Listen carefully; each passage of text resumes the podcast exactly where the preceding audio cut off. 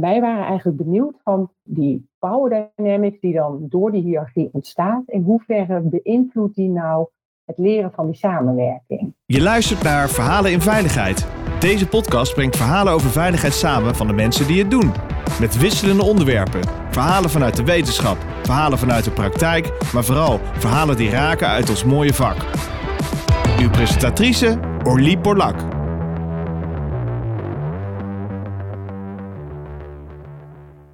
Welkom uh, luisteraars, het is weer tijd voor een uh, mooie podcast. Ik zit in de studio met dokter Natasja Lohman. Zij is directeur van Batal en Lohman.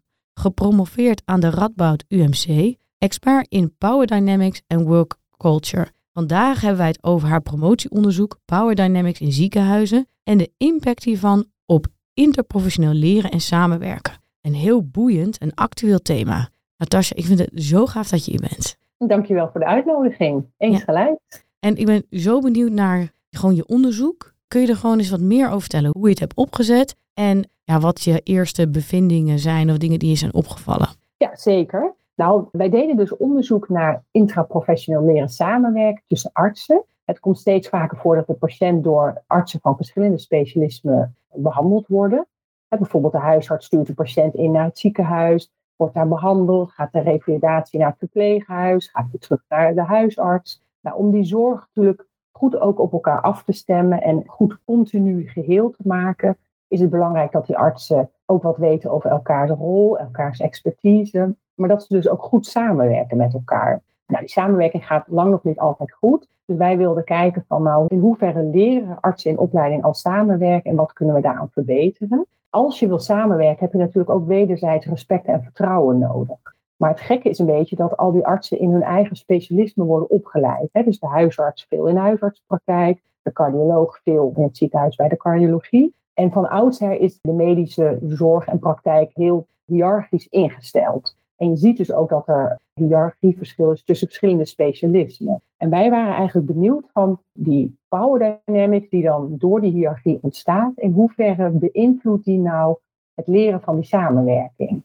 En ons idee was ook, als we de leerklimaat hè, tussen die verschillende disciplines willen verbeteren, dan moeten we in ieder geval ook weten hoe die powerdynamiek, welke impact dat heeft en wat we daaraan zouden kunnen doen.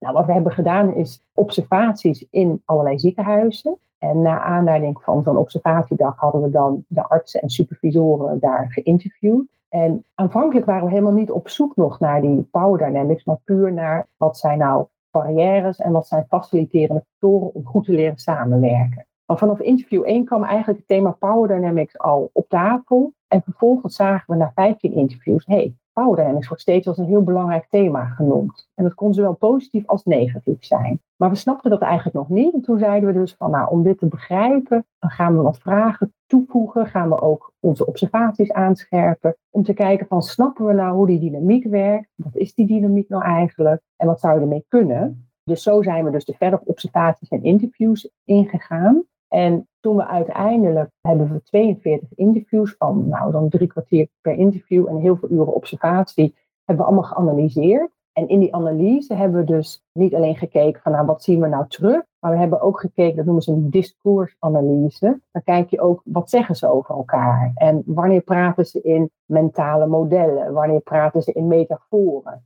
Want soms praten mensen in een metafoor over een andere professie om niet rechtstreeks iets over die ander te zeggen. dus dan wordt er bijvoorbeeld gezegd van, ja, ik zie de chirurgen toch een beetje als apen op de apenrots. Ik zie het een beetje als naar de dierentuin gaan. Ik vind het wel grappig. Maar daarmee zegt iemand wel, er is een duidelijke statusverschil en het heeft impact op mijn leren. Nou, zo werden er dus veel vaker over elkaar in dat soort metaforen en mentale modellen gesproken. Dus die hebben we nog apart geanalyseerd. Van, nou, wat zegt dat nou eigenlijk? En wat wij dus zagen in de ziekenhuizen, we zijn dus naar plekken gegaan waar dus ook huisartsen en specialisten ouderengeneeskunde stage lopen in het ziekenhuis, samen met medisch specialisten in opleiding. En we hebben dus gekeken naar welke dynamieken zien we daar nu. En die zijn natuurlijk allemaal aan elkaar verbonden, maar wij hebben vijf hoofddynamieken gevonden. Die dus echt een rol spelen en die dus ook impact hebben op dat leren samenwerken. En je zegt soms leren en soms zeg je samenwerken. Ja. Is daar een verschil tussen of bedoel je daarmee hetzelfde? Ja, dat is wel een goede vraag.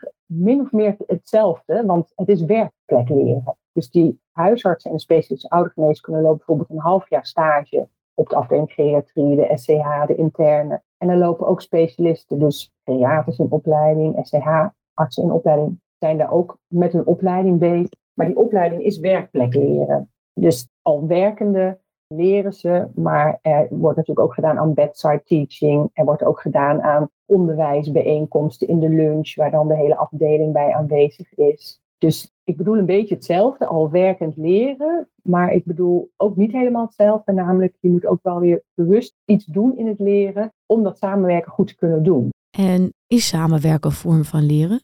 Eigenlijk, als je het helemaal plat slaat. Want normaal denk ik alleen maar aan informatie uitdelen. Dat is die samenwerking elkaar opzoeken. Ja. Maar zit daar ergens ook een bron van leren van elkaar in, denk je? Ja, dat kan wel. Het kan maar als je samen overlegt over een patiënt en je zegt van, goh, wat zie jij, wat zie ik, hoe zullen we die zorg op elkaar afstemmen? Dan kan je ook leren van hè, het feit dat een ander een bepaalde expertise heeft, wat je nog niet wist. Of je komt er bijvoorbeeld als medisch specialist achter dat je een patiënt met ontslag wil sturen. En dat de huisarts zegt, ja, maar wij hebben helemaal niet de middelen om die zorg verder voor te zetten. Dus je moet dan toch nog iets meer doen voordat iemand met ontslag kan. Of andersom, hè, wij kunnen dit wel opvangen, dus deze patiënt kan al best met ontslag. Dus dan leer je ook van elkaar. Alleen wat wij vaak hebben gezien is dat die uitwisseling niet zo intensief plaatsvindt. Ja, en dan leer je niet echt van elkaar. Maar eigenlijk zou je dan ook kunnen stellen, je werkt dan ook niet echt samen. Want dan heb je de zorg misschien ook niet helemaal goed op elkaar afgestemd. En je zei ook iets wat me ook opviel, is dat je noemt dat mensen elkaar anders benoemen. Hè? Dus mensen eigenlijk elkaar benoemen naar hun functie of naar hun rol. Wat is daar de impact van? Want ik zie dat bijvoorbeeld bij andere bedrijven ook terugkomen. Dan gaan ze over elkaar praten, maar dan noemen ze de persoon niet bij hun voornaam. Dan is het de projectleiders of de technische managers of gewoon de functienaam wordt dan genoemd. Ja. Wat is daar de impact van op die relatie en op dat samenwerken? Heb je daar iets van kunnen voelen of iets kunnen zelfs kunnen meten? Ja, nou, we hebben daar wel dingen in gezien, inderdaad. Wat ons opviel is dat iedereen heeft bepaalde overtuigingen en bepaalde biases over een andere professie of over een andere persoon. En in die termen wordt er ook over elkaar gesproken. En wat wij wel hebben gezien is dat de manier waarop die verschillende specialismen met elkaar praten of over elkaar praten, heeft zeker invloed op hoe de macht wordt verdeeld, maar ook dus op de samenwerking. Dus er was bijvoorbeeld een supervisor en die zei van, we hebben gewoon een bepaald beeld, een idee van wat eerste lijnsartsen wel en niet kunnen en wel en niet doen. En ja, daar hebben we het dan met elkaar ook wel eens over. En eerlijk gezegd, bij deze supervisor voelen wij onszelf als medisch specialist ook wel beter dan de eerste lijnsarts. Dus we zeggen ook wel eens dingen als van, heeft die huisarts het weer te laat ingestuurd? Daar gaan we weer, hè, bijvoorbeeld dat soort dingen. Maar zij zag ook van, hé, als wij op die manier over zo'n hele groep praten, zullen we eigenlijk niet precies weten waarom diegene hè, op dat moment die patiënt heeft ingestuurd, wat er speelt aan de andere kant, dan heeft dat ook een effect. En als daar dan zo'n eerste lijns AIOS op dat moment op die afdeling tussen zit, omdat hij daar stage loopt, zei die supervisor dus van ja, ik zie ook wel dat dat best intimiderend kan zijn voor zo iemand. En deze supervisor zei, hey, ik ben me daar bewust van, ik wil daar ook een verandering in aanbrengen. Dus als me dat opvalt, dan zeg ik van mensen, wacht even, we hebben hier allemaal ideeën, die zitten allemaal nu hier te roepen. Maar laten we het eens aan, de, hè, aan onze huisarts hier in opleiding, die hier in ons midden zit, vragen. Van, heb jij hier een idee? Of als we deze patiënt met ontslag sturen, kan dat ook? Of heb jij een idee waarom deze patiënt misschien zo laat is ingestuurd? Kloppen onze aannames eigenlijk wel? En zij zag echt wel dan een duidelijk verschil, omdat je iemand anders dan actief uitnodigt in de discussie.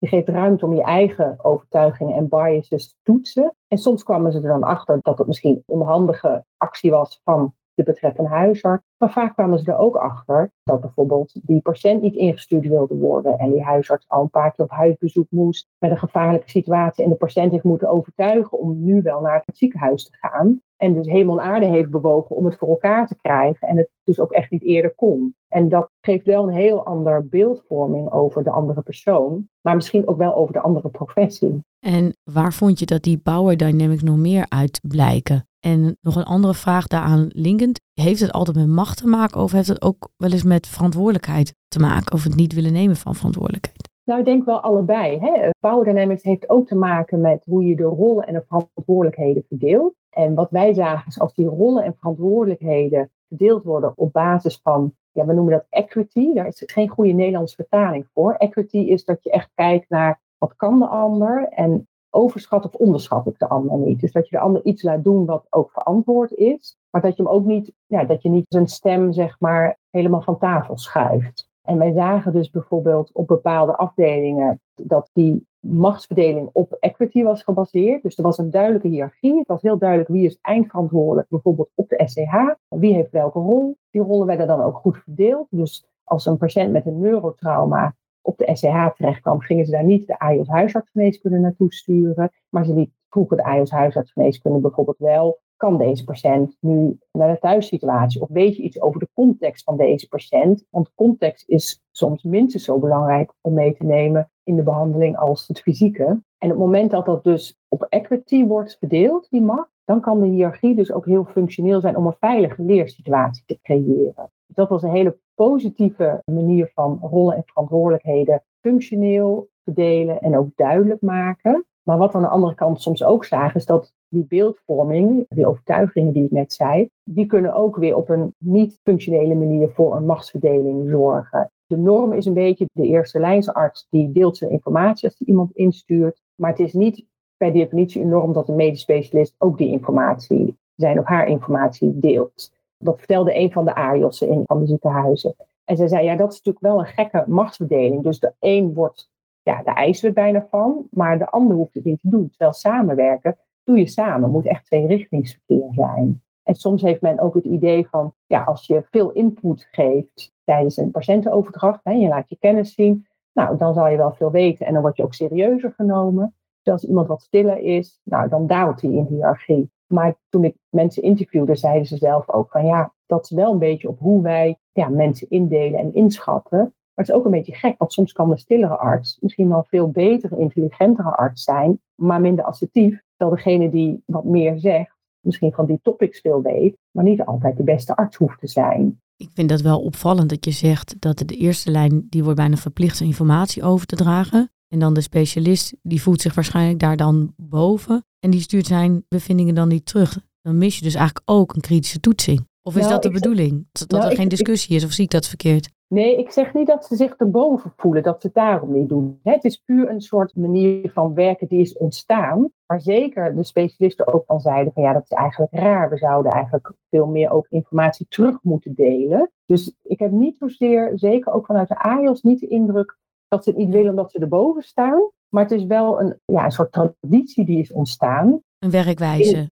Ja, een werkwijze waar je zeer zeker ook je vraagtekens bij kan stellen. En waar ook al wel verandering in komt. Maar een ander voorbeeld wat ik ook interessant vond, is dat bijvoorbeeld een supervisor zei van, nou, ik vind het belangrijk dat onze eerste en tweede lijns nu op de stage beter leert samenwerken. Maar goed, die leerdoelen worden niet vanzelf geformuleerd, want meestal worden medisch specialistische hè, leerdoelen geformuleerd. Dus zij zei van, ik verplicht nu iedere eerste lijns AIOS om ook een leerdoel op te stellen qua samenwerking. Want dan gebeurt het hier tenminste ook. Toen zei ik, nou, dat is heel mooi, hè? maar stel je die verplichting dan ook aan je tweede lijns AIOS. En toen zei ze, ja, nee, die hebben hun eigen opleiding. Ja, ja dat is eigenlijk wel gek. Ja, nu het zegt, samenwerken doe je samen. Dus als je de ene kant verplicht om dat als leerdoel op te nemen en verantwoordelijk stelt dat het leerdoel ook hè, uitgevoerd wordt, dan is het natuurlijk wel moeilijk als de ander dat niet als verplicht leerdoel heeft. Dus dan zie je dat in die mindset dat nog helemaal niet zo zit van, oh ja, samenwerken, dan moet ik ook de andere kant verplichten. En dan moet ik dus ook mijn tweede lijns AIOS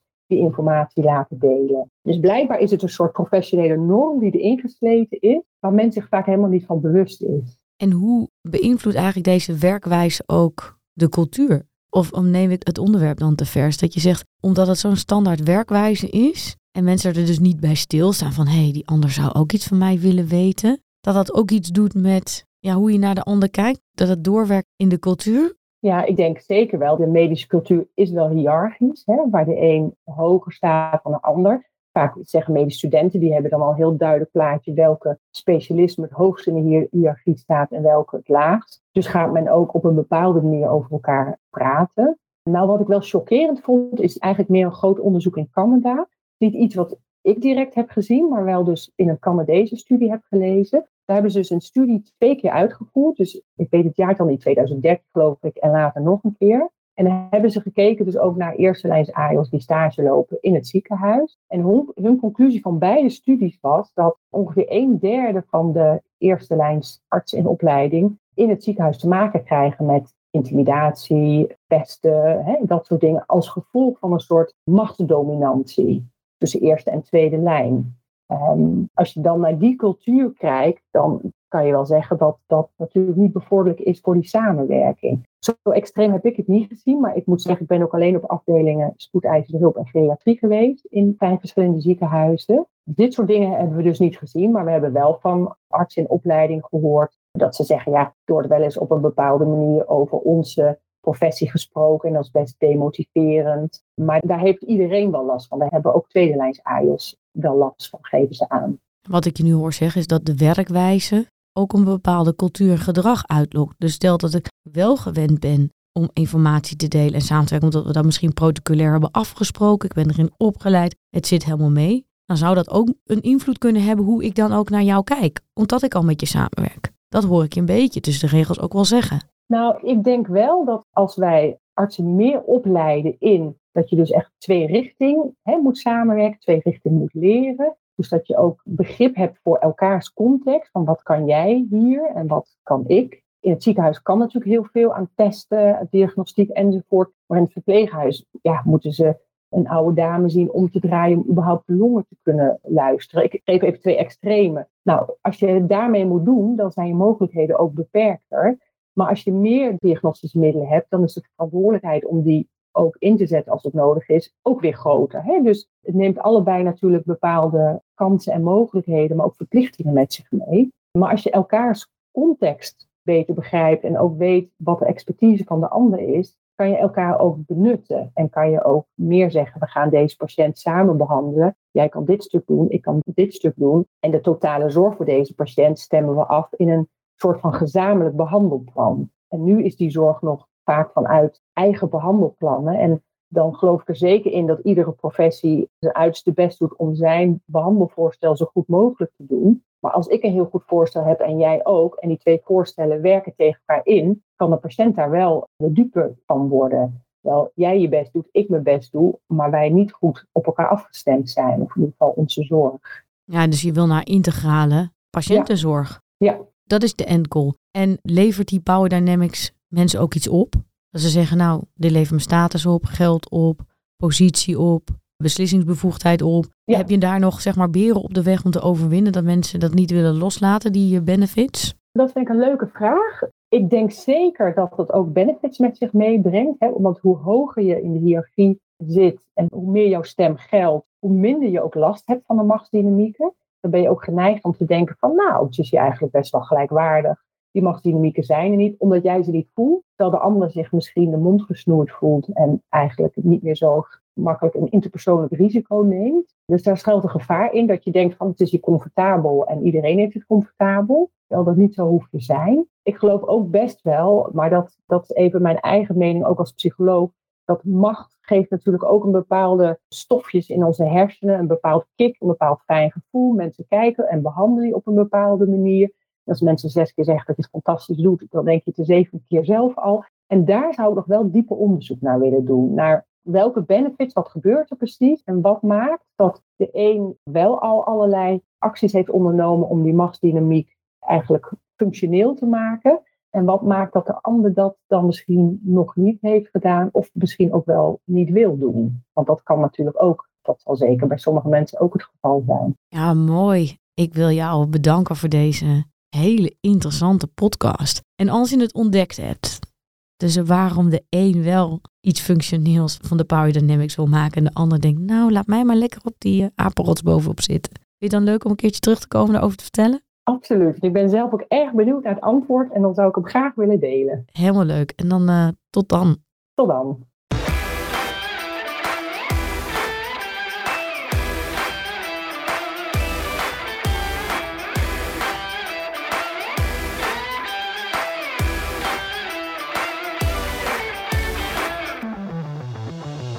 Je luisterde naar Verhalen in Veiligheid. Wil je niks missen van deze podcast? Abonneer je dan op deze podcast in je favoriete podcastplatform. Of laat een recensie achter via Apple Podcast. Dank voor het luisteren. Graag tot de volgende.